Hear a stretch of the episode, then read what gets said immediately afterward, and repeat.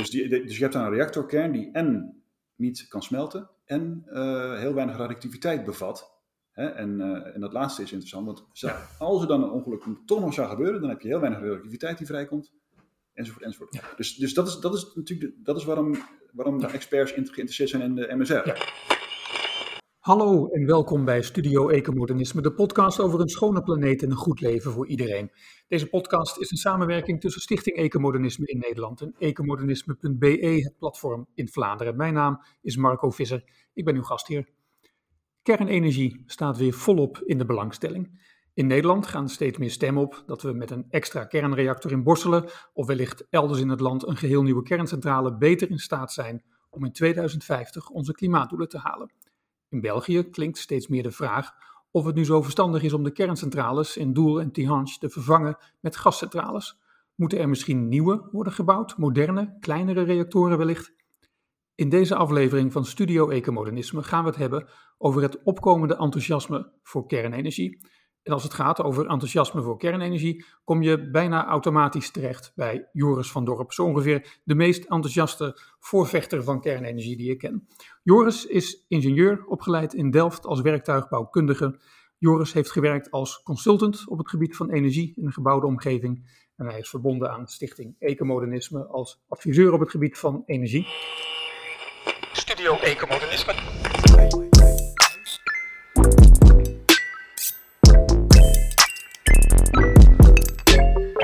Joris van Dorp, hartelijk welkom. Hallo Marco. Het is oude jongens krentenbrood en wij kennen elkaar natuurlijk, omdat we bij de stichting samenwerken.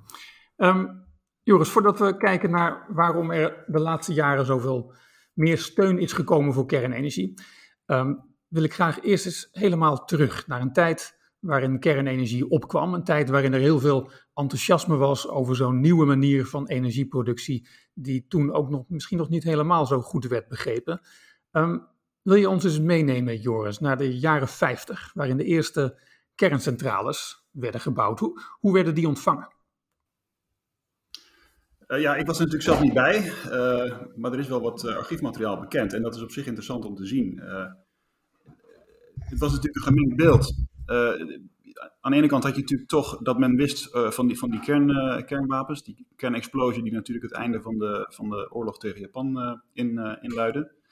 Dus die, die kernexplosie, die was, uh, dat was op de achtergrond. Aan de andere kant had je dat mensen ook snapten, uh, er was natuurlijk schaarste, er was ontbering, er was groei nodig. Uh, er moest veel worden opgebouwd. Dus dat idee van energie, die schoon, oneindig en goedkoop is, dat was natuurlijk interessant. Dus ik denk dat al die gevoelens samenkwamen. En ehm, ja, dat, dat op basis daarvan een, een, een, toch een, een, een zeker enthousiasme was in de bevolking. En, en men, mhm. had, men had grootse dromen. Men had grote, grote verwachtingen van deze technologie. Nou, je, je begint dan meteen met de atoombom op uh, Hiroshima en, uh, en Nagasaki. Um, je zou ook denken dat er een enorm schuldgevoel zou zijn bij de Amerikanen. Dat ze zo'n vreselijk wapen hebben ingezet. Um, maar eigenlijk uit heel veel archiefmateriaal blijkt dat dat schuldgevoel pas wat later kwam, in de jaren 60. Er was eerst eigenlijk juist een soort ja, ook wel een trots dat de Amerikanen in staat waren om zo'n vreselijke episode in de menselijke geschiedenis te beëindigen. Uh, en de, en, en, en ja, de, de, schuldgevoelens kwamen wat later, met name ook bij de mensen die zelf meewerkten aan de ontwikkeling van de atoombom. Ja, ja, nou ja, het is een klassiek verhaal van een doos van Pandora die uh, geopend is. En die krijg je dan niet meer dicht. Uh, want een heleboel, ik denk dat een heleboel mensen die die kernwapens ontwikkeld hebben, en er nu nog over nadenken dat hij het liefste zou willen dat die nooit uh, ontdekt zouden zijn. Uh, maar goed, je, kijk, zaken worden ontdekt en die kunnen dan niet meer onontdekt worden. Uh, dus zo, zo reëel moet je natuurlijk ook zijn. En kijk, de reden dat die kernbommen zo vernietigend zijn, is natuurlijk omdat kernenergie zo potent is. En die potentie van die kernenergie kun je dus voor, voor, voor allerlei toepassingen aanwenden. Niet alleen voor oorlogsvoering, maar ook voor energieopwekking. En dat is natuurlijk de, de grote, dat is ja. natuurlijk de clue. Ja, ja. En, en, en toen kwam die beroemde toespraak van uh, de president van Amerika op dat moment, Dwight Eisenhower, ik denk in 1953, toen hij bij de Verenigde Naties een beroemde toespraak hield, Atoms for Peace, heet die toespraak, om heel duidelijk te maken, nou, wij willen de atomen inzetten voor vredelievende doeleinden, niet meer voor oorlog, voor strijd, maar voor vrede en stroom. ehm, waarin hij eigenlijk ook, ja, de breuk tussen die twee toepassingen is niet zo heel gemakkelijk te maken natuurlijk. We hebben het over hetzelfde proces, alleen in een kerncentrale laat je die enorme kracht in dat atoom, laat je heel gecontroleerd los natuurlijk over een, uitgesmeerd over een langere periode. En in een bom moet je die zo snel mogelijk natuurlijk tot uh, ontploffing zien te brengen. Ja, ja zeker, ja. Ja, uh, het idee was natuurlijk van, kijk, die kernenergietechnologie, is, het, maken van een bom is, nog niet eens zo, zo verschrikkelijk uh, ingewikkeld. Het maken van een kerncentrale is in feite complexer. Maar de gedachte was, als we nou die uh, complexe kerncentrales, als we die technologie nou gewoon gratis weggeven aan de wereld, en we helpen landen om die technologie te benutten, dan sturen we meteen ook inspecteurs mee en goede regelgeving, goede, goede toezicht, om te zorgen dat die technologie niet, uh, of in ieder geval de kans te verkleinen dat, dat die technologie wordt aangewend voor uh, oorlogsvoering. Dat, dat, was natuurlijk toch wel Mhm. de angst. Ja. Uh, en die angst was ook reëel, denk ik. Want kijk, die kernbommen zijn ontzettend efficiënt. En je kunt daar heel snel mee je tegenstander vernietigen. en, en in tegenstelling tot wat veel mensen denken, als jij een paar atoombommen werpt op een tegenstander die die wapens niet heeft, dan heb je met relatief weinig schade heb je een enorm, heb je een enorm effect bereikt. tegen relatief weinig kosten. Dus die angst dat die wapens gebruikt zouden worden, was groot. En, uh, en, en, men wist ook zeker dat ieder land zo snel mogelijk zou proberen om die kernwapens te ontwikkelen. Dus Mhm. dat, dat, Ja. er was alle, alle reden tot angst, wat Ja. dat betreft. Ja, wat ook gebeurde, de Sovjet-Unie bouwde natuurlijk al vrij snel zijn eigen atoombommen. Eh, Engeland deed dat, met ook kennis die ze hadden van de Tweede Wereldoorlog. Eh, Canada besloot dat juist niet eh, te gaan doen. Frankrijk wilde ze weer wel, China op een gegeven moment, ik denk pas jaren 60. Ehm, Ja, Maar nou ja, je kunt, als ik nog even mag inbreken, je kunt, je kunt echt wel stellen dat mocht er ooit weer een grote oorlog komen, eh, we hopen dat natuurlijk niet, en de kans is ook op zich ook niet zo heel erg groot, denk ik persoonlijk, dat er ooit echt weer een grote oorlog komt. Maar als die grote oorlog komt, het eerste wat de strijdende partijen zullen, zullen doen natuurlijk, is meteen eh, kernwapens eh, bouwen, zelfs als ze die op dat moment nog niet hebben. Want met de kennis van nu, je kunt als je echt goed je best doet, binnen, binnen twee jaar heb je gewoon een kernwapen gebouwd, zelfs als je niks hebt. Want hè, wat dat betreft, de techniek staat voor niks. Mhm. En die kennis die ligt op straat. Dus, dus En- sorry. eh, Maar ja, dit is een interessante link wel hoor, die er dan is. Ehm, als een land dan beschikt over kerncentrales, dan wordt het toch een stuk makkelijker om kernbommen eh, te maken? Of, of, of staat het daar los van? nee, dat, dat wordt dan wel een stuk makkelijker, ja. Ik denk dat in plaats van twee jaar heb je het dan over één jaar of zo. Dus, dus die tijd wordt verkort. Want die technologie eh, die, eh, die, lijkt, die is natuurlijk eh, gelijkaardig. En, en om een bom te maken, even voor de helderheid, moet je uranium verrijken eh, tot een heel hoog percentage, volgens mij, 90% of zoiets. En terwijl voor een kerncentrale is dat misschien 4 of 5%, dan is het voldoende om eh, als, als brandstof te gebruiken in een, eh, in een kernreactor.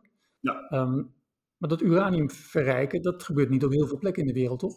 Nee, precies. Nee, dat, dat, dat uranium verrijken, dat is ook een vrij kostbare, ingewikkelde technologie. Dat, dat, dat schud je niet zomaar uit je mouw. Eh, dus, dus dat is natuurlijk ook het idee van die eh, lage verrijkingsgraad. Eh, hè, in, de, in de nucleaire sector wordt brandstof gebruikt met een relatief lage verrijkingsgraad, waar je geen bommen mee kan maken. Zodat die nucleaire brandstof, dat je die niet gemakkelijk naar, je, naar, je, naar je defensiesector Mhm. kan sturen om bommen van te maken. Dus dus hè, dat is één. Maar, maar ook als je niet kan verrijken, als je die technologie niet hebt, dan kun je toch relatief eenvoudig gewoon ook plutonium maken. Dat is de tweede manier om bommateriaal te maken. Ja, en plutonium is, is een bijproduct in, van, in een kernreactor. Hè? Ja, klopt. Ja, ja plu- plutonium wordt gevormd in een, eh, in een kernreactor, op, die op basis van uranium eh, wordt eh, bedreven. Juist. Ja. Ja. En die plutonium kan je dan afscheiden. Maar dat is, dat is, dat is ook een vrij ingewikkeld en complex proces, maar wel een stuk minder ingewikkeld en minder complex Ja. dan, eh, dan Ja. uraniumverrijking. Ja. Maar Atoms for Peace in 1953, de toespraak van Eisenhower bij de Verenigde Naties, dat was waarschijnlijk een soort, ja, een, een, een mijlpaal in zekere zin. Daar kwam het enthousiasme over kernenergie om, om het te gebruiken in de productie van energie.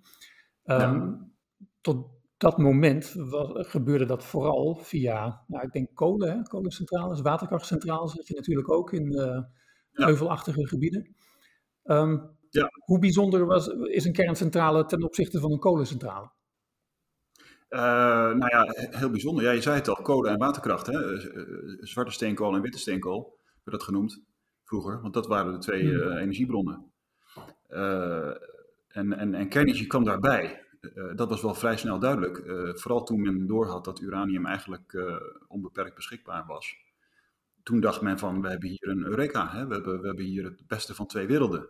Want die kernenergie die is in feite zo schoon als, als, als, als water, waterkracht. Ehm, en hij is zo goedkoop, hij, is, hij is zo voorradig en flexibel als, als steenkool. Ja. En, en, en de brandstof, uranium, is in feite onuitputtelijk. Die, is veel, die beschikbaarheid is veel groter dan, dan steenkool. Die, dat raakt nooit op. Dus men dacht echt van, dit is het. We, gaan, we, gaan, we gaan massaal aan de kernenergie. En dat, dat houden we gewoon eeuwig vol. En dat is het dan.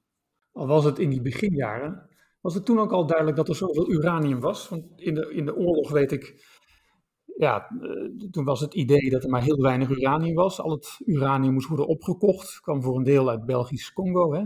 Um, er was nog een mijn in, uh, in de Bohemen, op de grens uh, Tsjechië met Duitsland.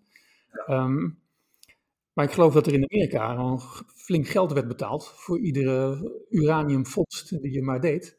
Uh, want de Amerikanen wilden alle uranium van de hele wereld hebben. En weet jij zo wanneer dan bekend werd dat op heel veel plekken uranium gewoon beschikbaar is? Niet alleen diep verstopt in mijnen, maar gewoon uh, redelijk goed toegankelijk. Ja, nou dat, dat, dat, dat, uh, dat, was, dat heeft twee oorzaken. Ten eerste, men dacht dat je dus hele rijke ertsen nodig had. 20% uh, bijvoorbeeld aan, aan, uranium. Dat zijn superrijke ertsen die natuurlijk heel makkelijk te ontginnen zijn. Men wist nog niet heel veel van de ontginningstechnieken, dat moest ook nog allemaal op gang komen. We staan eigenlijk aan het begin van de moderne industrialisering in die tijd. Maar sindsdien hebben we gezien dat die, uh, A, hebben we gezien dat die, uh, dat die erts, uh, dat die, dat die toch wel vaker, veel vaker voorkwam op veel verschillende plekken. En twee, onze, onze technieken, onze, onze mijnbouwkundige techniek is natuurlijk een stuk beter. Dus ook ertsen met een lage inhoud van uranium eh, kunnen, kunnen, wij hanteren, kunnen wij gebruiken als economische eh, bron van uranium. Ja. ja. En nu, nu, hebben we gewoon zo, nu weten we dat er zoveel uranium is dat het inderdaad onuitputtelijk is. Want we kunnen het gewoon vrij makkelijk afscheiden. Uh, om, om een grappige fun fact bij deze is dat bijvoorbeeld het, fos, het, het fosfaat dat we gebruiken in de, in de landbouw, uh, voor het kunstmest in de landbouw. Ja, mhm. Dat kunstmest, als je dat, die ers voor die kunstmest, die bevat ook uranium.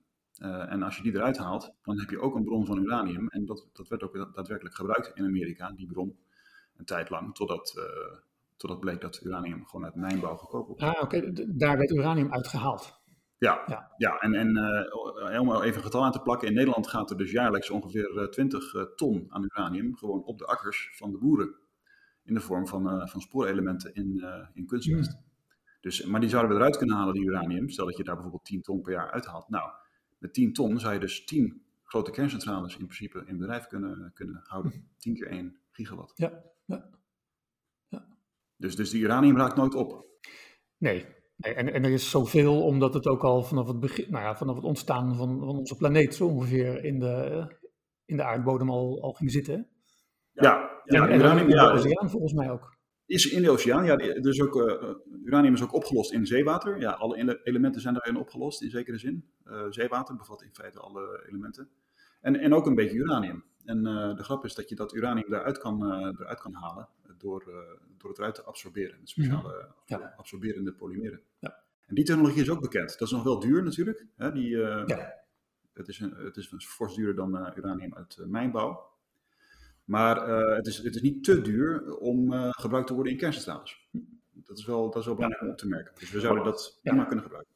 Goed, dus uranium is, is alom beschikbaar. Terwijl die zorgen misschien al wel kwamen over kolen, kolenmijnen, of die nog wel heel lang uh, toegankelijk zouden, zouden zijn. Ja. Maar je hebt ook niet zo heel veel uranium nodig. Dat, dat beseffen was er ook al vrij snel, hè? Ja, ja.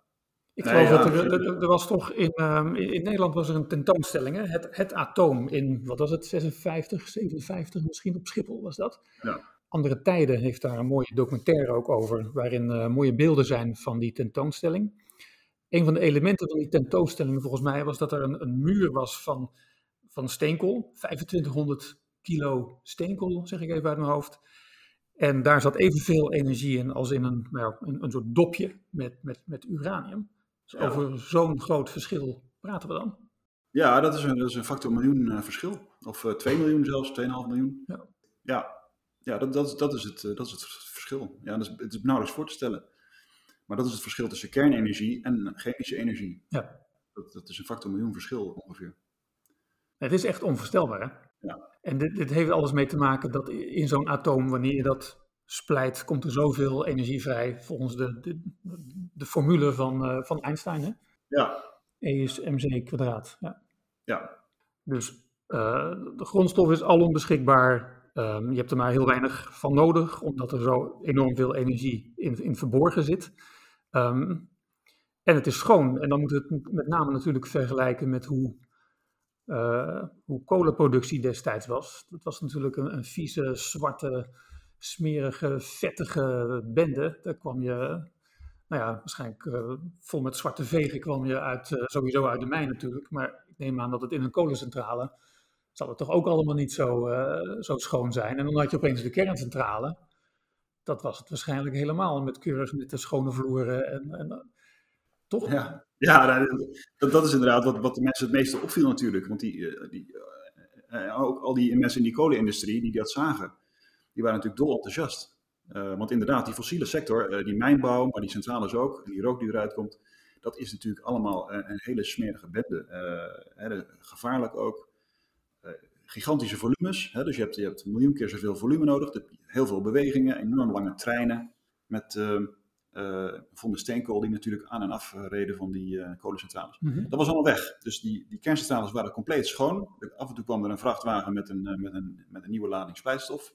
In plaats van eindeloze treinen met steenkool. Dus ja, op alle aspecten. Het was een complete andere wereld. Ja, ja. ja. ja. Voordat wij elkaar spraken voor deze aflevering van Studio Ecomodernisme hebben we allebei gekeken naar een documentaire die beschikbaar is op uh, Netflix, The Atom Love Affair. En dat gaat over onze, onze relatie met kernenergie, die in het begin een, uh, een warme, nou ja, hoe zeg je dat, in, in, in, een oogopslag werden we verliefd op kernenergie. Daarna kwamen de, de, de twijfels, kwam de breuk met kernenergie na verloop van tijd uh, bloeide die toch uiteindelijk weer op. Dan hebben we het meer over recente jaren en daar komen we zo over te spreken.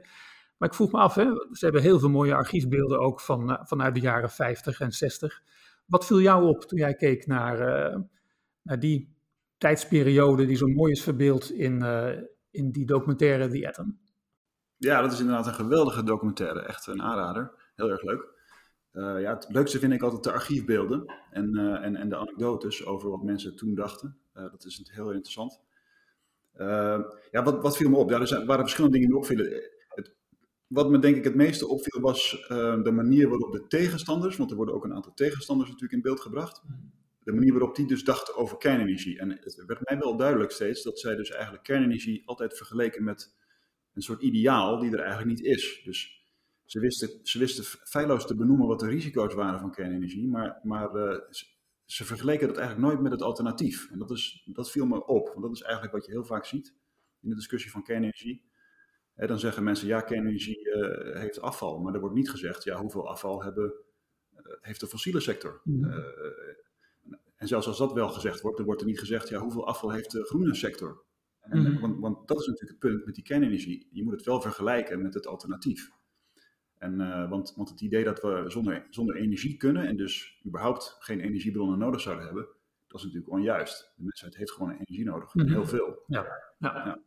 Ik heb wel eens het idee dat er in de jaren 60 en 70 een soort schuldgevoel ontstond over de enorme welvaart die in de rijke deel van de wereld uh, kwam. Um, en nog altijd ontbrak in, in het armere deel van de wereld. En omdat energie echt aan de basis staat natuurlijk van, van alle welvaart, is dat het idee toen ontstond, nou, we moeten echt minder energie gaan gebruiken. Dit is, dit is uh, verspilling. Wij, wij gebruiken ook op wat, wat misschien wat toekomt aan een ander deel van de wereld. En ik heb ook sympathie voor, voor, voor dat idee. Maar ik denk ook wel dat het een, een verkeerd idee is. Als we nu terugkijken en denken, ja, um, omdat energie zo belangrijk is, kunnen we toch beter werken aan het zorgen dat, um, dat energie toegankelijk wordt in gebieden waar er nog te weinig van is. En laten we dat doen op een zo schoon mogelijke manier met zo min mogelijk uh, druk op het milieu, op de natuur. Hoe zie jij dat? Denk, denk jij dat dat Ja. schuldgevoel op de achtergrond heeft meegespeeld? Of was er gewoon altijd ja, het idee, um, we hebben een groeiende wereldbevolking. Daar was natuurlijk ook angst over. Die wereldbevolking groeide ook heel snel in die periode. Die groei is al lang, het tempo van de groei is afgenomen. En we zagen om ons heen dat er milieuvervuiling was. Toen waren de wetten natuurlijk nog lang niet zo streng als nu. Wat, wat, denk je dat, dat, dat, dat echt een heel belangrijk uh, onderdeel was in het verzet tegen kernenergie? Ja, ik denk alles wat je zegt, dat, dat klopt natuurlijk. En die discussie die, uh, die, die werd ook gevoerd, uh, terecht gevoerd. En dat is, daar kun je inderdaad van alles van vinden. En ik denk inderdaad dat er veel te zeggen is voor het idee dat we gewoon te veel consumeren en dat we ook gelukkig kunnen zijn als we, als we, als we minderen. En, en vervolgens, als we zouden minderen, dat we dan ook voldoende zouden hebben misschien aan uh, louter uh, wind- en zonne-energie. Die, die redenering die kan ik volgen. Mm -hmm. en, en daar zit wel wat in. Maar ik denk ook dat we reëel moeten zijn. En, en hè, ik zelf ook, maar hè, de meeste mensen, naarmate je wat ouder wordt, ik ben zelf nu 45, naarmate je wat ouder wordt, dan ga je vanzelf ook inderdaad inzien dat consumptie natuurlijk niet zoveel, niet zoveel toevoegt. Hè? Je hebt dingen gezien, je hebt dingen gedaan, en op een gegeven moment bedaar je. Je, je leest een goed boek, mm-hmm. je kijkt een keer uit het raam en dat, dat is voldoende. Maar, maar voor, de, voor, de, voor een groot deel van de wereld, en, en zeker ook voor jongeren, jongeren willen gewoon ook dingen meemaken. Die willen ook reizen, die willen ook dingen zien. Die willen ook uh, leuke dingen doen. En, en dat zal altijd blijven. Dat, uh, zeker ook in de derde wereld, in ontwikkelingslanden, gaat dat ook gewoon komen. Dus we moeten reëel zijn. We hebben gewoon heel veel energie nodig. Uh, we moeten ook veel meer gaan recyclen. Nou, recyclen kost ook heel veel energie. Dus, dus hoe meer energie we tot onze beschikking hebben en hoe schoner die energie is, hoe beter het uitgangspunt voor de toekomst om dus al die milieuproblemen die er zijn, om die gewoon zo goed mogelijk aan te pakken. Dus laten we nou het ene uh, doen, maar het andere niet laten. Dus ik vind inderdaad dat je moet blijven inzetten, inzetten op, op besparing, op efficiëntie, op, op cultuur, op op, op soft entertainment. Hè, en, entertainment die dus niet zoveel, niet zoveel grondstoffen, niet zoveel materiaal kost. Daar moet je allemaal op inzetten, maar je moet tegelijk ook zo efficiënt mogelijk die energievoorziening op, optuigen. En dat, is, dat kan alleen met kernenergie. Kernenergie is wat dat betreft veruit, veruit de meest efficiënte manier om energie op te wekken, mm -hmm. uh, zonder schade aan, toe te brengen ja. aan het milieu. Ja. Ja. En laten we nu een sprong maken van de ja, van de periode waarin kernenergie werd ontwikkeld. De eerste kerncentrales werden gebouwd. Er was enthousiasme omdat het zo schoon was, omdat de grondstof zo alom beschikbaar was. Misschien was het ook wel gewoon een soort enthousiasme over omdat iets nieuw was. En het kwam uit Amerika. Dat, was, vonden we toen natuurlijk ook erg interessant. Later werd Amerika, alles wat uit Amerika kwam, vonden we vervelend. Maar toen vonden we het allemaal erg spannend en nieuw. Misschien begrepen we de techniek nog niet helemaal goed. Nu is dat toch wel anders. We begrijpen er veel meer van. Er is echt een geschiedenis opgebouwd van, van tientallen jaren gebruik van kernenergie. Er zijn ongelukken geweest, et cetera. Um, toch is er nu weer een hernieuwd enthousiasme voor kernenergie. Heeft alles te maken met klimaatenergie. Uh, sorry, met klimaatverandering natuurlijk. Um, waar komt jouw enthousiasme vandaan? Is dat ook vanuit zorgen om, om het klimaat of, of zit dat heel ergens anders? Um, ja, ik, nou bij mij gaat het inderdaad om uh, milieuzorg. Hè, want ik ben opgegroeid, uh, nou, ik ben 75, ben ik geboren in 1975. Ik heb natuurlijk meegekregen in, in die tijd alle zorg die er was om het milieu. En, en hè, dus, dus doe, doe, je, doe je lamp uit als je de kamer uitgaat. Ja. Hè, en, recyclen en zo. En dat is, dat, is, dat is in de cultuur is dat nog steeds, dat gevoel. Dus, da, dus dat interesseerde mij. Da, daarom ben ik ook gaan studeren, werktuigbouwkunde en koude techniek omdat ik had gehoord dat er heel veel energie gebruikt wordt voor binnenmilieu, hè, voor verwarming en koeling. En dat daar dus uh, werk is voor, uh, voor mensen die houden van techniek, om dus dat, om dit energiegebruik te verminderen. En uh, dus, dus vanuit het milieu, dat, die zorg om het milieu die ik toen had en nog steeds heb, ben ik terechtgekomen uiteindelijk op de vraag van hoe gaan we dat nou aanpakken met die fossiele, energie. Want tijdens mijn consultancywerk voor, voor hè, in de technische sector kwam ik er gewoon achter dat fossiele energie daadwerkelijk heel goedkoop is. En dat groene energie en efficiëntie, ook efficiëntie, dat kost allemaal geld. Dat is duur. En dat geld is er niet altijd. Als jij aan tafel zit met een projectontwikkelaar en je moet, die, en je moet hem uitleggen dat, dat hij meer budget op tafel moet leggen voor een bepaald project, ja, dan krijg je een discussie. En die discussie die valt heel vaak verkeerd uit. Heel vaak wordt het dan toch weer gekozen voor fossiel. En dat heb ik gewoon jarenlang zien gebeuren. En daarom dacht ik op een gegeven moment van ja, dit, dit, patroon doorbreek je niet. Als wij het in het Westen al niet voor elkaar krijgen om geld uit te geven aan, uh, aan vergroening, mm-hmm. dan, gaan we, dan kunnen we dat ook niet vragen van de rest van de wereld. Dus toen ben ik uiteindelijk op die kernenergie terechtgekomen. Daarvan is echt, is mij wel duidelijk geworden dat die kernenergie in potentie veel en veel goedkoper is dan fossiel en, en groen. En over welke periode hebben we het, dat, dat jij in kernenergie zo'n oplossing zag?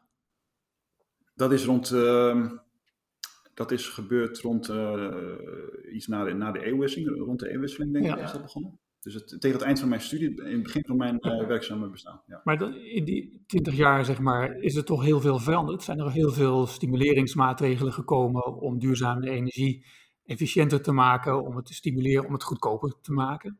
Dus dan, dan geldt jouw verhaal toch niet meer zo in de wereld van nu?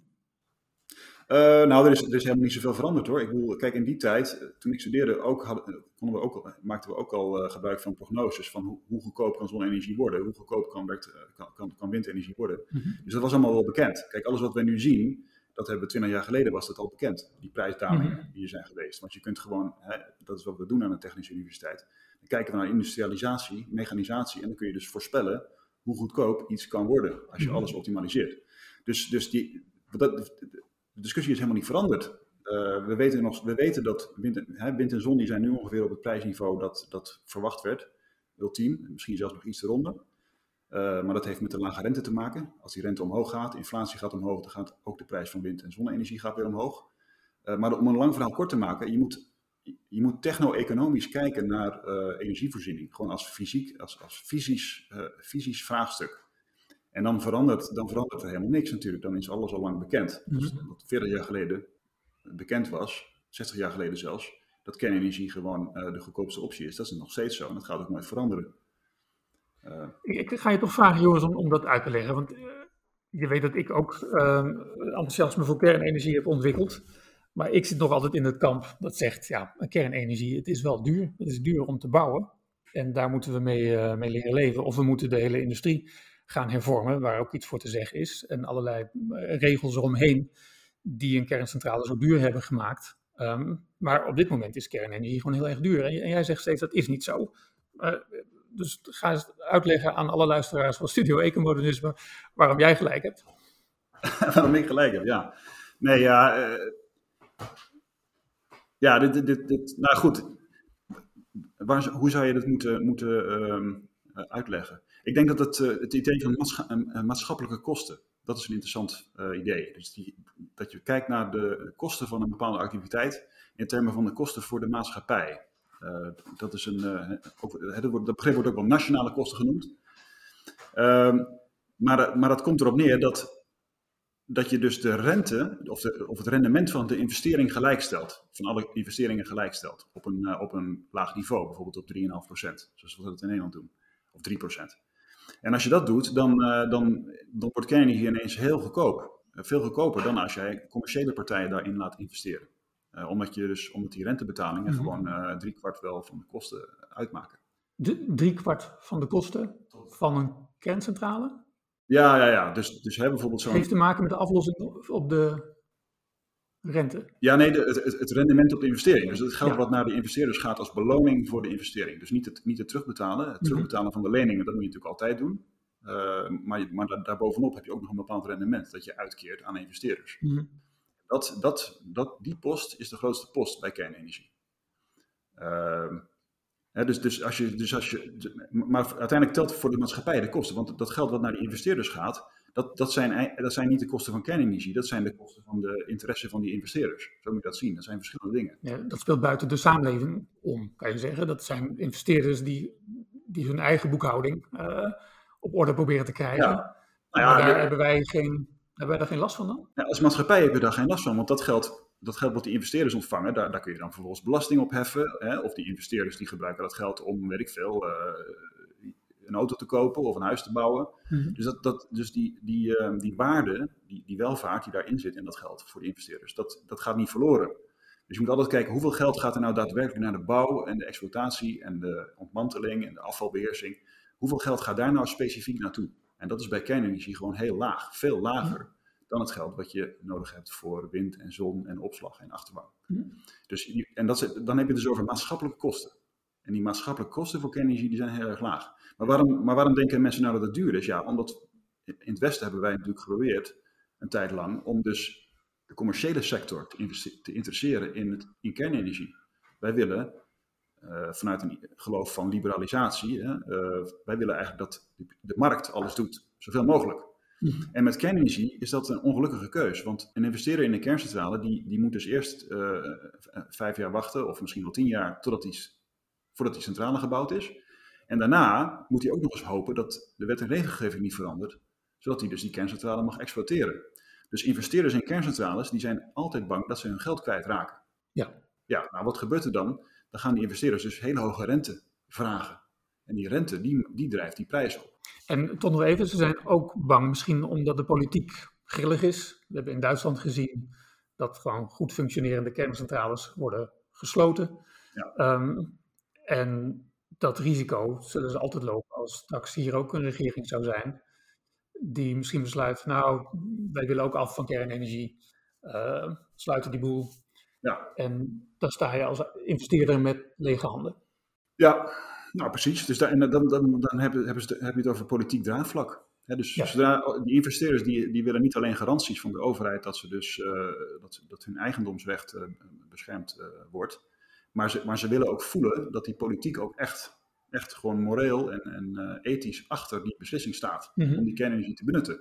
Want zelfs die garanties blijken in de praktijk niet zoveel waard te zijn. ook in Duitsland hebben de eigenaren van die kerncentrales die daar gesloten worden die hebben jarenlang moeten vechten voor hun uh, recht op compensatie. Tot aan het Europese Hof aan toe. de, de, de, Duitse overheid die zei gewoon: uh, stop maar. En mhm. je krijgt geen compensatie. En eh, hebben ze dat dan gekregen uiteindelijk? Ja, dat hebben ze uiteindelijk wel gekregen, ja. Want ze, ze waren gewoon in hun recht. Maar die, maar die Duitse overheid, overheid heeft dat gewoon, nou ja, tien jaar volgehouden om, om dat dus mhm. gewoon niet op in te gaan. Dus als investeerder moet je dan, stel je voor dat je wil investeren in kernenergie en je ziet in Duitsland dat je dan tien jaar lang tegen de Duitse overheid uh, rechtszaken moet voeren om gewoon je, je rechten te krijgen. Ja. Dus, dus, dus, dat, dus dat is de sfeer.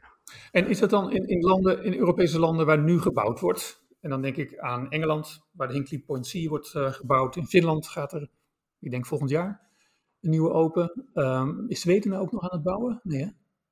Zweden, Zweden gaat een beetje heen en weer. Ik, ik, heb dat niet op het netvlies voor de situatie. Is, het nou anders in die landen, in Engeland en in, en in Finland? Laten we dan daarbij houden. Is, is het daar meer een programma dat wordt geleid door de overheid? Of is daar dan nog niet sprake van liberalisering zoals wij die hier kennen? Nou nee, ook in die landen is ook dus gewoon nog steeds commercieel uh, wordt dat gedaan. Dus het idee is, uh, ook in Nederland trouwens, is dat, dat je dus 100% uh, uh, private financiering moet hebben voor je, voor je centrales. En in, in, in Engeland zijn ze daar natuurlijk nu uh, zijn ze dat toch weer eens aan het bekijken of het niet anders kan. Want ze hebben gezien met Hinkley Point C dat, het, uh, dat die private investering, dat, dat zorgt dat het heel duur wordt. Of tenminste veel geld kost voor de stroomafnemer. De maatschappelijke kosten die zijn natuurlijk laag, die, die zijn niet afhankelijk van het, van, van de, van het rendement op de investering. Maar, maar, de, maar maar het rendement op de stering is, is hoog als je commercieel geld aan wilt trekken. En in Engeland hebben ze nu gezegd, dat gaan we anders doen. We willen een, een Regulated Asset Base, een RAB-model willen we toepassen, RAB. En dat is een ander model. En wat je daarbij doet, is dat je dan tijdens de bouw van de centrale eigenlijk de stroomafnemer al gaat belasten om een deel van het geld te gebruiken om, om te investeren in die centrale. Daardoor verlaag je de bouwkosten en dus de financieringskosten. Ja. En dat zorgt er weer voor dat je een veel lagere prijs uh, nodig hebt achteraf om die centrale uh, rendabel te houden voor de investeerder. Mhm. En dat scheelt gigantisch. Dat maakt het veel goedkoper. Ja. Maar het nadeel is natuurlijk dat je dan aan de bevolking moet uitleggen waarom het verstandig is om gewoon mee te betalen aan zo'n centrale, in plaats van aan commerciële partijen te vragen om te investeren in een onzeker politiek klimaat. Dus, maar dit zijn ingewikkelde discussies over risicodeling. En, en... Ja, en, en, ik neem ook aan dat het veel te maken heeft met aannames die je stopt in dit soort rekensommen. Ehm, ik kan mij zo voorstellen ook dat een investeerder rekent over een periode van, nou, 30 jaar, 40 jaar misschien. Uh, ja, 20, 20 jaar ongeveer. 20 jaar zelfs. Ehm, maar dat het daarna natuurlijk interessanter wordt. Uh, dat kernenergie in zekere zin goedkoper wordt, nadat al die kosten zijn opgehoest voor de, voor de bouw, et cetera, en het, en het aflossen, terugbetalen. Um, maar als een kerncentrale 80 jaar staat, lijkt me dat de stroom uit de kerncentrale ook goedkoper wordt dan wanneer je hem na, uh, nou ja, na 30 jaar zou, zou gaan eh, dichtgooien. Ja, ja, zeker. Nee, dat, dat, dat is precies het punt. Hè. Dat, is, uh, dat is ook grappig. Dat tegenstanders van kernenergie die, die, die hebben het altijd over dat het een last is voor onze kinderen. Maar dat is natuurlijk absoluut niet het geval. Kerncentrales zijn juist een enorme voordeel voor onze kinderen. Want, want zeker die moderne centrales, die zijn ontworpen op 60 jaar uh, bedrijf. Uh, en, en, daarna kunnen ze minstens nog 20 jaar verlengd worden en misschien nog wel een keer 20 jaar. Dus, mm -hmm. dus die centrale die nu in Engeland gebouwd wordt, die gaat gewoon 100 jaar lang mee. Uh, terwijl, de, de, de, terwijl die totale investering, die, die wordt al binnen 10 jaar, is die al, of 20 jaar, is die al terugbetaald. Dus, dus, de, dus de maatschappij heeft daar gewoon belang bij om, om, uh, om toch die investering te doen. En dat doen, en dat doen we voor de langere termijn, ja. ja. Maar goed, het punt, het, het, punt natuurlijk over het lange termijn en over on, onze kinderen die rekening betalen, ja. dat gaat waarschijnlijk ook voor een groot deel over de berging van het kernafval. Ja. ja. En niet zozeer over, de, uh, over het geld dat moet worden opgehoest om die kerncentrale nog te betalen. Nou ja, nee, oké, okay, goed. Maar, maar die ontmantelingskosten die worden ook altijd heel hoog ingeschat. Dat vinden mensen een groot probleem, terwijl dat in feite een heel klein probleem is. Uh, hè, met name ook omdat het zo lang duurt, omdat je zoveel jaar hebt om een spaarpotje op te bouwen om die ontmanteling uh, mm-hmm. voor je rekening te nemen. Ja, en dat afval, dat is in feite ook uh, heel goedkoop. Dus je kunt wel zeggen dat afval, dat duurt heel lang en dat, dat is, dat, dat is 100.000 jaar duurt dat voordat het uitgestraald is. Maar het opbergen van het afval is heel, is heel eenvoudig. En net zoals we dat met ander toxisch afval doen, en dat doen we al op hele grote schaal, to toxisch afval ondergronds opbergen, mm-hmm. Kun je dat ook met kernafval doen. En die techniek is gewoon begrepen. En, uh, ja, volgens mij in Finland gaat er toch uh, ook iets, uh, een, een hoe zeg je dat nou, een, een gebied voor ehm, geologische eindberging wordt daar ehm, binnenkort geopend. Ja, ze zijn, ze zijn daar begonnen met de bouw inderdaad. Ja, ze begonnen gaan, met de bouw. Okay, nou. Ja, dus dat, ze zijn wel even bezig. Je moet ja. dan die tunnels uitgraven. Uh, ja, ze gaan ondergronds gaan zijn dat afval opslaan. En niet alleen het afval, maar ook de, volgens mij gaan ze de, de volledige gebruikte brandstofstaven ook uh, ondergronds uh, bergen. Ja, en, en dit is voor de goede orde volgens mij de eerste keer dat er in de wereld zo'n faciliteit wordt gebouwd, toch? Ja, het is, het is inderdaad, dat, is, ja. dat klopt ja. En het is, dat is best wel uniek. Ja, in, in Amerika hebben ze het ook geprobeerd om zoiets te bouwen. Daar zijn ze mee gestopt op een gegeven moment.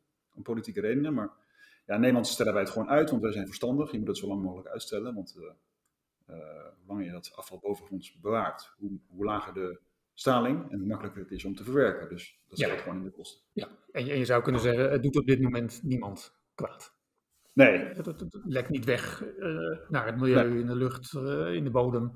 Het, nee, zit, het nee. zit in vaten, ja. veilig weggestopt. Ja, ja, ja nou ja, het, hey, kern, kernafval is het beste afval wat je kunt hebben. wat dat betreft, vanuit de energiesector, als je, als je al die afvalstromen op een rij zet, dan is kernafval is de minst schadelijke. Ja, ja. Klopt. Omdat die gewoon, nou ja, kijk, afval is, pas, uh, afval, afval, is pas vervuiling als het in het milieu terechtkomt. Ja. En als, zolang afval niet in het milieu terechtkomt, is het geen vervuiling. Mm -hmm. Dus dat onderscheid tussen afval en vervuiling moet je altijd maken. Ja, ja en dan is kernafval uh, het, het, gunstigst om te hebben.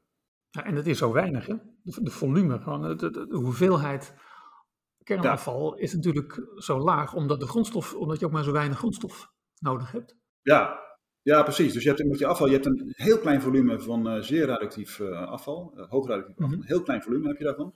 En, je hebt, en, je hebt, een heel groot volume, dat is het nadeel, je hebt, een, je hebt een heel groot volume, volume aan laag radioactief afval. En dat, maar dat grote volume, dat kun je ook op een andere manier be behandelen. Want het is minder radioactief, dus dat kun je ook makkelijker opslaan. Mhm. Mm -hmm. Je niet, niet 400 meter diep te gaan, mm -hmm. dat kan ook makkelijker. Dus, maar dat is ook een hele ingewikkelde discussie, al die verschillende afvalstromen. En daar kun je best op in willen gaan, uh, maar, maar het is ook een beetje saai, vind ik altijd. Mm -hmm. Dus je, dat, moet je gewoon, dat moet je gewoon overlaten aan experts, dat Mhm. afval. Want echt, kernafval is het beste afval wat je kan hebben. Uh, we, we, gaan sowieso kernafval genereren, want we hebben ook medische toepassingen van, van kernenergie. Daar Ja. komt ook wel afval uit. Dus die kernafvaldiscussie, die moet echt, dat moet nou eens een keer stoppen. Ja, het is sterker nog, als je zou stoppen met kernenergie produceren in kerncentrales, dan moet je nog altijd een oplossing vinden voor het kernafval dat er nu is. Ja, ja, precies. Nou ja, goed, die afval is gevonden. Ik En, en als je die oplossing is gevonden. dan kun je natuurlijk ook doorgaan met kerncentrales. Ja, ja, precies. En, dat, en daarom, daarom zeggen die anti-nucleaire, eh, die zeggen ook, hè, de anti-kernenergiebeweging, die is ook vastberaden om, uh, om geen strobreed uh, toe te geven aan uh, welke oplossing dan ook, totdat alle kerncentrales gesloten zijn. Dan gaan ze pas meewerken aan. Nou ja, kijk, ook de faciliteit die in Finland nu wordt gebouwd voor de geologische eindberging, zal er ook wel op goed in de gaten worden gehouden of dat daar allemaal goed en netjes uh, verloopt, toch? Wat ook heel logisch is, toch? Om dat goed uh, in de gaten te houden. dat er geen lekkages komen of wat dan ook? Ja, nou ja, dat, dat, ja, kijk, er wordt gewoon volgens specificaties gewerkt. er zijn daar specificaties in opgesteld. Die specificaties, op basis daarvan is vastgesteld dat daar geen lekkage zal plaatsvinden. zelfs in het allerergste geval. Mm. zal er geen lekkage plaatsvinden die leidt tot een toename van de radioactiviteit van de leefomgeving boven die opslag. Mm Met, ik geloof, 1% of zo, wat ze hebben gezegd als, als maximum dat het mag oplopen. Uh, dus, dus zolang er volgens die specificaties gewerkt wordt, mag je daarvan uitgaan. Maar dat gaat niet gemonitord worden. Dus er wordt ondergrond opgeslagen, dat gat wordt dichtgegooid, bij wijze van spreken. En dat kun je niet monitoren? Hm? Dat kun je niet monitoren? Jawel, maar ja, goed, je, ja, je kunt, uh, je kunt er een kijkje gaan nemen, maar dat is gewoon uh, een groene weide. En, en je, ziet, je ziet en merkt en, en mm meet bovengronds niks. Nee. Dus monitoren is wat dat betreft. nee, maar die, die opslag in die Finland is bedoeld om dus ongemonitord te af, af, te zekeren. Mm Dus die bodem is, die sluit het materiaal op. Ja. En die doet het werk. Ja. De geologie, niet de mens. De mens is daarvoor niet nodig om, die, om, die, om het afval veilig te stellen. We hadden het over het uh, enthousiasme dat weer begint te komen in een andere context dan, uh, dan, dan in de 20e eeuw natuurlijk, omdat de context nu veel meer is die van eh, klimaatverandering en een snelle klimaatverandering ook. Um, is dat nou echt enthousiasme dat er nu is? Uh, bij jou uh, zeker, proef ik. Uh, zeker ook op, op, Twitter, waar je natuurlijk kampioen bent als het gaat om twitteren over, over kernenergie. Um, of, of is het toch vooral is het niet echt enthousiasme, maar is het een gevoel van, nou ja, ja, vooruit, dan moet het maar met kernenergie. Het is geen mooie oplossing, maar vooruit. We hebben niks beters dan dat. Ja, is nou ja. niet meer? Nou, nee, bij mij niet in ieder geval. Nee, bij jou niet, nee. Maar, nee, maar volgens mij bij geen enkele expert. Want, waarom zou je negatief doen over een technologie die, uh, die zo positief uh, is en zo, zo, zo, nuttig is voor de mensheid? Waarom zou je daar negatief over doen? Ik, ik zie dat niet zo. Maar, maar toch, hè, want eh, af en toe komen we een opiniepol tegen in een krant of van een, onderzoeksbureau. Dan blijkt dat er eigenlijk meer steun is voor kernenergie dan ik altijd uh, denk. Het zit, ja, het ligt eraan welke je kijkt. Maar ik denk dat het kamp van mensen die tegen zijn, uh, zeker niet groter is dan het kamp van mensen die uh, voor kernenergie zijn. En er is ook een vrij grote groep die het eigenlijk niet zo goed weet. En waarschijnlijk is die groep ook gevoelig om mee te bewegen met de groep van mensen die zijn en denken zoals zij. Um, misschien ook wel gevoelig voor dingen in het, in het, in het nieuws. Maar goed, weet je, uh, het is een complex thema en het is helemaal niet erg om geen mening ergens over te hebben. Um, maar die groep van mensen, en dat is soms misschien 40% die voor kernenergie is, um, is die nou echt voor kernenergie of accepteert die kernenergie min of meer schoolvoetend, misschien onder protest, omdat er besef is dat we gewoon een urgente dreiging hebben van klimaatverandering? Of zijn ze net, denk je dat ze net zo enthousiast zijn als jij en, en op de barricades uh, springen? Nou, nee, ja, dat, dat, dat weet ik niet. nee, eh, er zijn allerlei, allerlei redenen waarom mensen voor kernenergie zijn, heb ik gemerkt. En allerlei redenen waarom ze tegen kernenergie zijn. Mm -hmm. over die, bijvoorbeeld over die opiniepeilingen wil ik even iets kwijt. Wat, wat grappig was, wat ik laatst zag, is dat de groep mensen die tegenstander van kernenergie is, die, bij dat soort peilingen, die blijkt even groot te zijn als de groep mensen die denkt dat kernenergie dus CO2 uitstoot. Dat er CO2 uit die koeltorens komt. Oh, ja. dus, en toen dacht ik van, hé, hey, zouden die groepen misschien hetzelfde, hetzelfde, zouden dat dezelfde groepen zijn? Kijk, op het moment dat jij denkt dat kernenergie CO2 uitstoot, ja, dan waarom zou je dan voor kernenergie zijn? Dus, dus volgens mij is het zo dat die groep tegenstanders, of die dan vindt dat ze tegen, dat ze tegen kernenergie zouden moeten zijn, die zijn dat volgens mij uh, voor het grootste deel omdat ze gewoon nou, toch uh, niet, uh, niet de juiste informatie, niet over de juiste informatie beschikken over die technologie. Mm -hmm. Dus, dus dat, is, dat is één. Ja, en waarom zijn mensen dan voor kernenergie? Ja, om allerlei redenen. er zijn mensen zo, zo, zoals ik die gewoon, ja, gewoon redelijk mechanisch kijken van wat werkt nou het beste? Ja, eigenlijk ben je dan technologie neutraal, hè? Dat is ja, het, moderne woord natuurlijk ja. vandaag de dag.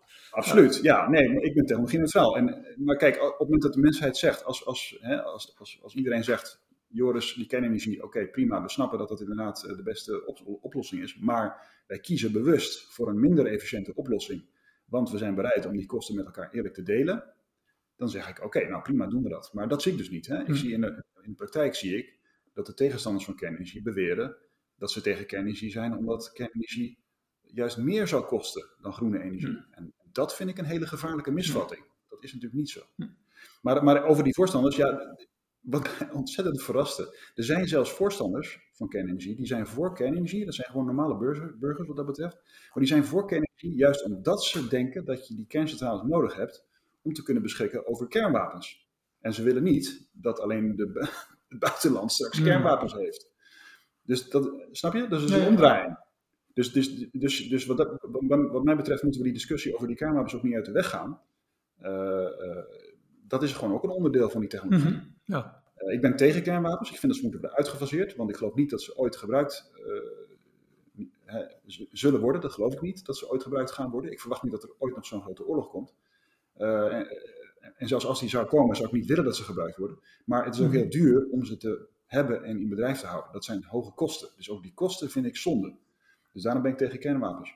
Uh, maar, maar, goed, waarom zijn mensen voor kernenergie? Ja, dat, dat heeft economisch. Je hebt, je hebt, mensen die zijn voor omdat ze tegen windturbines zijn. Ik ben niet per se tegen windturbines, hè, maar, maar er zijn mensen die daar tegen zijn. Er zijn mensen die tegen biomassa zijn. Uh, er zijn zelfs mensen die tegen zonne-energie zijn. Dat is een hele kleine groep trouwens hoor, maar uh, die zijn er ook. Dus, nee, dus, dus je kunt, het, is, het is een heel gemene groep. Het is heel mhm. moeilijk om in algemene termen te spreken over zowel de voorstanders als de tegenstanders. Ja, ja. Waar ik wel enthousiasme over zie, wanneer het over kernenergie gaat, is, dan gaat het over thorium bijvoorbeeld. Of het gaat over eh, de MSR, hè, de, de, de, kleine modulaire reactor. Um, daar zijn ook mensen die niet zo dol zijn op uh, wat wij nu verstaan onder kernenergie. Die kunnen nog best enthousiast spreken over, over zo'n MSR, over zo'n kleine reactor. Vertel, wil je eens uitleggen wat een MSR is en waarin, waarin het verschilt van de kerncentrale zoals die wij op dit moment kennen? Ja, ja, zeker. Ja, dat is ook heel leuk. Ja, ja SMR, eh, MSR. Ik hoor je twee eh, acroniemen gebruiken. SMR staat voor Small Modular Reactor. Dat Juist, SMR. Ja. SMR. En MSR, MSR is voor Molten Salt Reactor. Juist. Ja, en dat zijn, eh, dat zijn niet precies dezelfde begrippen. Nee, en de Molten Salt Reactor wordt vooral in verband gebracht met thorium, de andere, de vervanger van uranium. Klopt, ja. Nou, dat is een super interessant onderwerp. zullen we die SMR, zullen we dat eerst, ja? dat begrip? Ja, de SMR, dat, het begrip. Het, eh, SMR slaat eigenlijk op, een, op het idee dat je kerncentrales, als je die kleiner maakt, dat ze, dan, dat ze dan ook minder kostbaar worden en dus makkelijker te financieren worden. Uh, aan de ene kant. En aan, aan, de andere kant, dat als je ze kleiner maakt, dat ze ook makkelijker te beveiligen zijn. Mhm. Dus dat zijn twee dingen. Dus de, de, kosten, zou, de kosten zijn lager, waardoor je financiering eenvoudiger wordt. Uh, en, en de veiligheid is hoger, omdat je die kern, zo'n reactorkern, makkelijker uh, in dwang kan houden, makkelijker kan koelen als die kleiner is, als die fysiek kleiner is. Dat zijn de twee argumenten. Het nadeel van die kleinere centrale is natuurlijk dat, dat kernenergie vooral een papieren, een, een papieren bedrijfssector uh, is. Dus hè, kernenergie is vooral papier. Hoe, hoe bedoel je dat? Nou, omdat, die, omdat zo'n kerncentrale, bijvoorbeeld die Hinkley Point, dat is een ontzettend geavanceerde, gigantische centrale met extreem veel apparatuur. Maar mhm. al die kosten van al die apparatuur en al die fysieke kosten zijn maar een kleine fractie van de totale kosten. Die bestaan uit gewoon papier. Dus, dus uh, het invullen van checklists. Juist, een soort administratie. Dat, is, ja, dat, is, dat is ongeveer 90% van de kosten. Uh, is, is, papier. Of, of, of, in ieder geval papier en, en dus ook die rentebetaling. Hè? Dus rente mhm. en, uh, en, en, en, het, en het papierwerk, dat is het grote kostenpost. Dus, het, dus, dus je kunt wel zeggen, die kerncentrale is, die heeft minder installaties nodig, zo'n kleine kerncentrale. Maar aan het eind van de dag maakt het voor de maatschappelijke kosten niet zoveel uit. En is de kans groot dat je juist inboet op economische, uh, op, schaal, op, de economie van mhm. schaal. Dus die kerncentrale is kleiner, maar heb je ook wel minder mensen nodig. Als je namelijk een kleinere mhm. centrale hebt en je hebt nog steeds veel mensen nodig, ja. dan zie je al, dan, dan, gaat het dus mis. Dus die SMR, dat heeft voor- en nadelen. Uh, voor bepaalde toepassingen heb je SMR nou eenmaal nodig. Dus daarom is het ook een goede aanvulling op het bestaande, op het bestaande uh, portfolio van de grote centrales. Mm uh, maar maar het, hè, er zijn ook mensen die zeggen die SMR die zijn veel goedkoper en daar moeten we dus naartoe. Die, als vervanging voor de bestaande grote centrales. En dan mm zeg ik nee, dat, dat, dat lijkt mij niet. En ik geloof ook niet dat dat de expert consensus is dat, het, dat we per se naar kleine kerncentrales zouden moeten. Om, uh, om, om de economie van die kernenergie hmm. te vergroten. Dat is volgens mij niet, niet aan de orde. Ze, ze kunnen samengaan en jij vindt misschien de huidige generatie kernreactoren ook goed genoeg om in stand te houden, zo lang mogelijk? Ja, nou ja, ja nee, maar dan, dan ga ik weer even technologie, technologie neutraal kijken. Ik zou niet weten waarom een SMR uh, economischer zou zijn dan een grote centrale. En dat gaat mij puur om de economie. Kijk, ik heb op zich niks met kernenergie, waar, waar ik iets mee heb. Ik wil dat fossiele energieprobleem oplossen. Het CO2-probleem, dat wil ik oplossen. Ja, juist. En die luchtvervuiling. Ja. Dus ik, kijk, dus ik kijk puur naar de economie van de technologie. Ja. En, en los van de SMR, dus de, de kleine modulaire reactor, heb je, kun je met thorium aan een MSR, de Molten Salt Reactor, uh, werken. Uh, die bestaat nog niet, al werkt China volgens mij op dit moment aan zo'n thoriumreactor. Um, wat is daar het grote verschil met, uh, ten opzichte van de huidige kernreactoren die we kennen? Ja, nou, dat is natuurlijk een groot onderwerp, maar het verschil is natuurlijk met zo'n MSR is het verschil dat die brandstof van zo'n gesmolten zoutreactor, die brandstof zelf is in vloeibare vorm, is niet vast, is geen vaste vorm. Dus in, als je in een vloeibare vorm uh, nucleaire brandstof van, gebruikt, dan mhm. heb je natuurlijk niet het probleem van die meltdown, dat, dat, het, dat, het, dat, het, dat het brandstof beschadigd raakt door oververhitting, want het is al gesmolten. En, en, en dat, dat leidt tot een aantal voordelen, die gesmolten brandstof. Niet alleen voor de veiligheid, maar ook voor de, um, uh, voor de beheersing van de radioactiviteit in de reactorkern. Uh, dat, is ook een, dat is ook een belangrijk mm -hmm. voordeel daarvan. Ja. Wat je namelijk kan doen, je kan tijdens het bedrijf van zo'n molten salt reactor, kun je dus zorgen dat die, dat die reactieproducten, die splijtingsproducten in die brandstof, dat die er voortdurend uitgefilterd worden. En dan zet je er dus een chemische fabriek naast, die dus voortdurend dat zout schoonmaakt in feite. Mm En daardoor kun je zorgen dat die radioactiviteit in die kern niet oploopt, zoals dat bij een normale centrale oploopt in de tijd. Ja. Dus, die, dus je hebt dan een reactorkern die en niet kan smelten en uh, heel weinig radioactiviteit bevat. Hè? En, uh, en dat laatste is interessant, want ja. als er dan een ongeluk toch nog zou gebeuren, dan heb je heel weinig radioactiviteit die vrijkomt, enzovoort, enzovoort. Ja. Dus, dus dat, is, dat is natuurlijk dat is waarom, waarom experts geïnteresseerd zijn in de MSR. Ja. ja. Maar het probleem een beetje met en de SMR en de MSR is dat ze, zo, dat ze nog niet bestaan. Toch? Uh, Terwijl we, we moeten eigenlijk gaan bouwen. We hebben CO2-vrije energie nodig. Uh, we weten hoe een kernreactor uh, werkt op, op, op, dit moment. Als we de, eenzelfde model zouden gaan gebruiken om nu neer te zetten, hebben we dat sneller voor elkaar dan wanneer we gaan uitvogelen hoe je een thoriumreactor kunt, kunt bouwen. Of hoe je dat ook alweer klein en modulair kunt gaan doen. Ja, klopt. Dus met die MSR, we, hebben wel, we zijn in het verleden MSR's gedraaid. Nou ja, kijk, alle denkbare kerncentrales, eh, kernreactorconcepten hebben gedraaid ooit in het mhm. verleden. Want, want eh, er, zijn, er zijn tientallen verschillende soorten reactorkern, die zijn allemaal mhm. ontwikkeld. Je kunt het zo gek niet bedenken, die zijn allemaal, hebben allemaal gewerkt. Dus we weten dat die MSR ook draait. Wat we nog niet weten is uh, hoe we ook die hele chemische fabriek gaan bouwen eromheen. Uh, hoe we dus zorgen dat die materialen uh, dus daartegen kunnen. Want het, het, voordeel van zout is dat je daar van alles in kan oplossen. Het nadeel is dat je ook de reactor zelf daarin oplost, als je niet oppast. Snap je? Want het, dat zout is natuurlijk anders dan water. Water is wat dat betreft makkelijker oh. chemisch te beheersen dan, dan zout. Ja, dat, dat, al gauw wordt het heel technisch. Maar, maar aan, het eind van, aan het eind van de dag blijkt dat die MSR, voordat je dus een MSR hebt gebouwd die alle voordelen heeft waar, waar de voorstanders uh, belang aan hechten, hè, dus die inherente veiligheid, die, uh, die, lage kosten, dat is toch echt best wel een, een tour. Dat, dat mm. vergt nog echt best wel wat ontwikkeling. Dus daar moet je aan werken. Dat, want dat, ik vind echt dat je dat moet ontwikkelen, want ik geloof ook dat dat uh, goed is, die technologie. Mm. Maar, maar het, is, het, is veel, het is veel ingewikkelder dan de voorstanders denken. En, en die, waterge, die watergedreven technologie, de, de lichtwaterreactor, is, is, is, is conceptueel veel eenvoudiger en ook in bedrijf veel eenvoudiger. Al was het maar om de simpele reden dat water doorzichtig is. Dus je kunt mhm. veel makkelijker zicht houden op wat er nou precies in die kern gebeurt. Ja. En, dat, dat, en, en, water is natuurlijk ook makkelijker in te gebruiken, enzovoort. enzovoort. Dus ook hier zou ik zeggen, SMR is goed om te ontwikkelen, MSR is goed te ontwikkelen, maar laten we niet vergeten dat de huidige technologie die we nu hebben, in de vorm van de moderne centrales, dat is prima technologie en daar moet je gewoon mee aan de slag gaan als je serieus werk wil maken van dat ja. uh, klimaatprobleem. We hebben het eerder in deze podcast gehad over The Atom, A Love Affair. De documentaire die uh, op Netflix te zien is. Die documentaire eindigt met de lobby van de nucleaire industrie. Uh, niet, dus, en helemaal niet met de anti-kernenergielobby, maar de, de, de, andere lobby. Um, de documentaire eindigt ja, toch min of meer met het beeld dat de het huidige enthousiasme over kernenergie ja, het, soort, het product is van een, een ja, goed geoliede lobby van de nucleaire industrie, die nou, iedereen misschien wel zand in de ogen strooit, uh, omdat kernenergie dan de oplossing voor klimaatverandering is. Ja, ik geloof dat verhaaltje niet zo, want ik heb niet het idee dat er nou een heel goede lobby vanuit de nucleaire industrie is. Ik hoor ze tenminste ook nooit. Ik denk dat niemand ook echt goed weet hoe die bedrijven allemaal heten. Uh, Of dat die nou zo makkelijk toegang hebben in de politiek.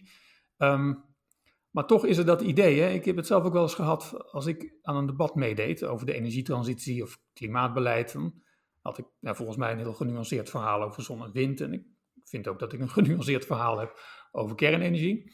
Maar dat, dat doet iets met mensen. Soms uh, staat er iemand op en die roept leugenaar of zo. Nou, ik kan daar nog wel begrip voor hebben, gezien van allerlei verhalen in de media en dat je daar zo tegen bent. Dat eh, vind ik prima. Maar ik krijg ook wel eens de indruk dat mensen denken, ja, hij wordt vast betaald door de nucleaire industrie. Want je kunt kennelijk niet door gewoon je, je verstand te gebruiken, kun je niet voor kernenergie zijn. Dan moet je zijn omgekocht of zoiets. Is, is, is dat een, een, suggestie die jij ook uh, krijgt, gezien jouw uh, enthousiaste uh, tweets over kernenergie? Ja, ja dat, dat inderdaad. Af en toe krijg ik dat wel. Um, dat mensen denken dat je, dat je, dat je lobbyist bent, hè? dat je dus ja. wordt betaald. Ja, ik ben, ik ben wel lobbyist in die zin dat ik dus gewoon actief ben, actief mij uitspreken voor kernenergie, want dan ben je eigenlijk al een soort lobbyist. Ja, ik, word, niet betaald. Ja, de activist ben je dan. Ik word, mm -hmm. ik word niet betaald door de nucleaire sector. Uh, mm -hmm. Nee, uh, ik weet nog heel goed, toen, toen ik dus voor het eerst geïnteresseerd raakte in de technologie, um, en toen ik merkte dat er dus heel veel onzin uh, over rond, rondzweefde in de, in de maatschappelijke mm -hmm. discussie, toen ben ik ook in Delft natuurlijk naar hoogleraar toegestapt. Ik, ik, weet niet of ik zijn naam zal Nee, ik ga zijn naam niet noemen, maar gewoon, ik heb hem gewoon gevraagd van, joh, waarom horen we niks over kernenergie? Waarom, waarom, ja. waarom doet de sector niks aan die desinformatie? Echt heel veel desinformatie. Mm -hmm. Waarom doet de sector daar niks aan? En toen was het antwoord was van, ja, kernenergie is zo goed, dat heeft geen activisme nodig. Dus je hoeft niet... Je oh. hoeft, want, hè, want iedereen weet hoe goed Iedereen weet dat wel. Nou. Dat, dat, was de, -hmm. dat was de academische visie. En toen, toen begreep ik ineens waarom er dus inderdaad geen, geen lobby is voor kernenergie. Want die lobby is er, die is er mm -hmm. niet of nauwelijks. Hè? Dus, dus, je hebt natuurlijk nucleair Nederland, maar dat is een hele tamme, bedeesde groep mensen. Hè? En uh, die, die zullen nooit op de barricade springen. Die mm -hmm. zullen nooit uh, zichzelf in de picture uh, duwen. Zijn ze misschien ook, ook murf geslagen? Omdat er gewoon een veel grotere groep is die, die actief tegen kernenergie is? Ja, ja, ja. ja. Nee, dat, dat, het algemene beeld is dat kernenergie on its way out is. De, ja. de, meeste mensen die hebben dat wel opgegeven, ook in de sector zelf. Ja. Dus de, de klad zit er wel in. Uh, je hebt alleen op het gebied van onderzoek, hè, SMR, MSR, daar heb je nog interesse, daar heb je nog enthousiastelingen. Ja, met start-ups bijvoorbeeld ook. Er is ja. een sfeer van enthousiasme inderdaad. Dat uh, ja. is verdwenen bij de gevestigde nucleaire bedrijven. Ja, ja. ja want, want hè, dat zei je ook al, het is altijd makkelijk om, uh, om, om, te, om te om een technologie te promoten die nog niet, uh, die nog niet mm -hmm. gebouwd is. Hey, Joris, jij bent heel stellig over um, de vele voordelen van kernenergie. Ik heb denk ik een soort intuïtieve twijfel altijd bij mensen die heel erg stellig ergens over zijn. Of dat nu is dat we nooit meer vlees mogen eten omdat het zo vreselijk uh, slecht voor je is. Of dat we juist, uh, dat vlees juist heel erg gezond voor je is. Um, van uiterste raak ik zelf altijd een beetje zenuwachtig. En ik ben geneigd te denken, nou, de waarheid zal wel ergens in het midden liggen. Word jij ooit zelf uh, overmand door twijfel of het eigenlijk wel echt zo'n goed idee is om met kernenergiewetten te gaan? Ja, nou dat klopt. Ja, nee, voortdurend eigenlijk. Ja, je, je twijfelt, tenminste, ik ben iemand die voortdurend twijfelt aan, uh, aan, zijn, aan zijn eigen uh, kennis en aannames. Dat zit er een beetje in bij mij. Uh, nee, maar wat ik, al, wat ik eerder al zei, waar ik aan twijfel is die vraag, eigenlijk de hangvraag van wie ben ik om te zeggen dat wij de goedkoopste en meest efficiënte energievoorziening zouden moeten willen hebben? Dat is, dat is de vraag waar ik zelf vaak aan twijfel. Want kijk, ik zei al, als wij als maatschappij, wereldmaatschappij, niet alleen Nederland, als wij met z'n allen bepalen van joh, we gaan gewoon met wind- en zonne-energie verder, ook al is dat uh, veel, veel kostbaarder, vergt het gewoon veel meer inspanning om dat goed te doen, om dat duurzaam te doen, mm-hmm. dan kernenergie. Uh, hè, dat is minstens twee keer zo, vergt minstens twee keer zoveel inspanning. Uh, Stel dat wij als mensheid gewoon die keuze bewust maken, en ook met z'n allen die kosten opbrengen, en niet, dus niet, niet die kosten voor rekening brengen van de armen, maar ook dat, dat ook de rijken bereid zijn om daar aan mee te betalen, ja, dan, dan ga ik ook mee. En dan, dan zeg ik ook, prima, dan zetten we ons schouder eronder. Maar, maar nogmaals, ik heb nog geen enkele aanwijzing uh, dat, dat we die kant op gaan. Mm. Eerder tegenovergestelde. Wat ik zie, is dat er voortdurend een sfeer wordt geschapen door allerlei partijen, dat die kernenergie de zaak juist kostbaarder zou maken. Terwijl dat absoluut niet het geval is. Mm. Het zou de zaak veel eenvoudiger maken, veel minder kostbaar. Waardoor onze kansen om dat klimaatenergieprobleem uh, op te lossen veel, mm. groter, veel groter worden. Echt veel en veel groter. Joris van Dorp, hartelijk dank dat je vandaag onze gast was bij Studio Ecomodernisme. En u, luisteraar, bedankt voor het luisteren. Als u deze podcast waardeert, vertel anderen over Studio Ecomodernisme of ga naar ecomodernisme.nl of ecomodernisme.be en steun ons.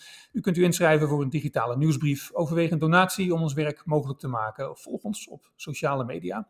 Abonneer u op Studio Ecomodernisme via ons kanaal op Spotify, Soundcloud of YouTube of zoek ons op bij andere bekende platforms voor podcast, waar u meer gesprekken kunt opzoeken over een schone planeet en een goed leven voor iedereen. Hartelijk dank voor het luisteren. Graag tot een volgende keer. Studio Ecomodernisme.